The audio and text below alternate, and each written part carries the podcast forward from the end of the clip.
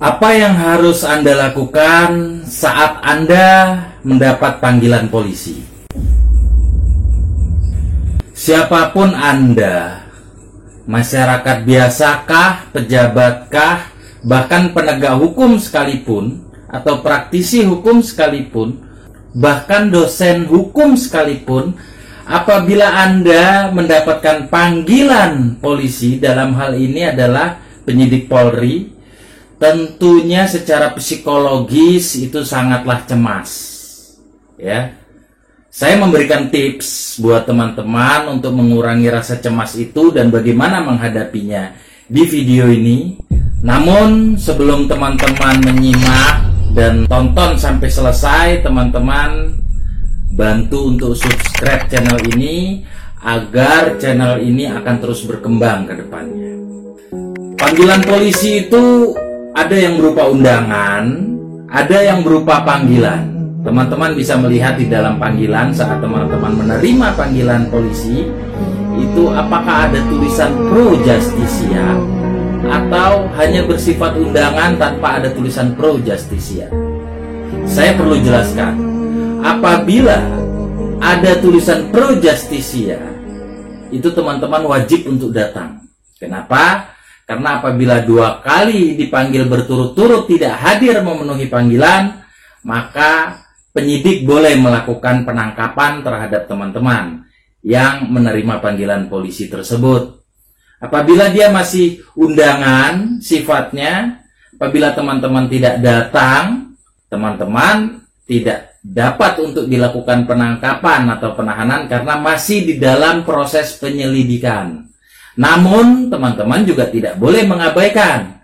Sebagai warga negara yang patuh hukum, kita wajib untuk datang. Hanya kita perlu tahu panggilan tersebut atau undangan tersebut berkaitan dengan apa, kasus apa, apa kapasitas teman-teman dipanggil atau diundang. Ya. Tipsnya untuk supaya menghilangkan rasa kekhawatiran atau kegelisahan teman-teman, teman-teman harus tetap fokus dan melihat informasi secara keseluruhan berkaitan dengan panggilan tersebut. Ya. Yang pertama, teman-teman periksa dan lihat kembali identitas di dalam panggilan apakah itu diri teman-teman atau bukan atau salah alamat ya yang kedua, teman-teman perhatikan status di dalam panggilan apabila memang itu diri teman-teman atau diri kalian atau diri Anda. Ya. Lihat status, kapasitas Anda sebagai apa, teman-teman sebagai apa, ya. Apakah saksi, apakah tersangka atau terlapor, ya. Karena itu menentukan langkah selanjutnya bagaimana teman-teman menggunakan hak teman-teman untuk menghadapi. Ya. Lalu perhatikan di dalam panggilan tersebut, panggilan itu dalam rangka kasus apa? Di setiap panggilan itu pasti ada uraian singkat, ya.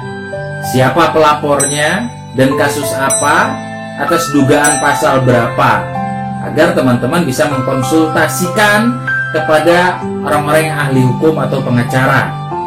Ya, atau keluarga yang memang memahami hukum. Itu langkah awal untuk teman-teman mengurangi kegelisahan dan bagaimana tips menghadapinya.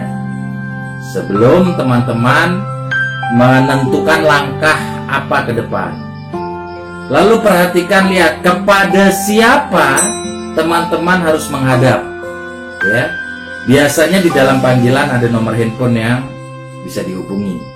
Namun sebelum teman-teman menghubungi nomor handphone penyidik yang memang tertera di dalam panggilan, teman-teman itu harus detail dan harus paham dulu. Hindari gugup, karena kalau teman-teman gugup, teman-teman langsung menghubungi tanpa teman-teman paham, maka fatal akibatnya apabila teman-teman yang dibidik di dalam panggilan tersebut atau teman-temanlah sebagai target calon tersangka atau sudah jadi tersangkanya ya. Lantas kalau sudah jadi tersangka di dalam panggilan itu seperti apa? Langkah pertama, jangan hadapi sendirian. Jangan sok pede. bahwa ini mesti selesai atau terlalu pasrah ya dalam hukum di negara kita teman-teman masih memiliki hak untuk mendapatkan pembelaan kenapa karena apabila kesalahan kita cuma segini kita berhak untuk walaupun kita sudah rela untuk dihukum kita hanya sesuai perbuatan dihukumnya segini ya Apabila kesalahan kita besar, ya tentunya kita harus menanggung pertanggungjawaban kesalahan itu. Ya.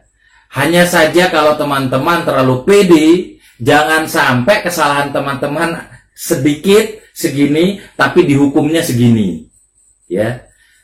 Jadi paling tidak video singkat ini itu bisa menambah wawasan teman-teman dan bisa bermanfaat Insya Allah akan ada video-video lagi.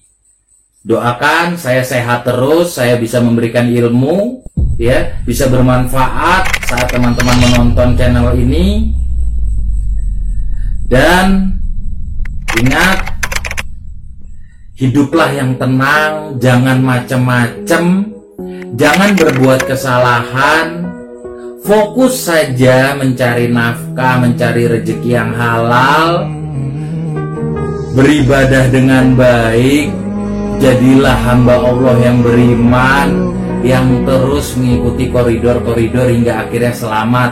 Kadangkala kita sudah baik saja belum tentu selamat jadi semoga pesan-pesan di video ini jadi bahan renungan teman-teman dan bagi yang menyaksikan ini dan mengalami panggilan polisi semoga masalahnya bisa selesai ya Pilihlah pengacara yang tepat untuk membela kepentingan hukum kalian. Pro Justisia, Sallu ala. Assalamualaikum warahmatullahi wabarakatuh. lòng yêu sơn mơ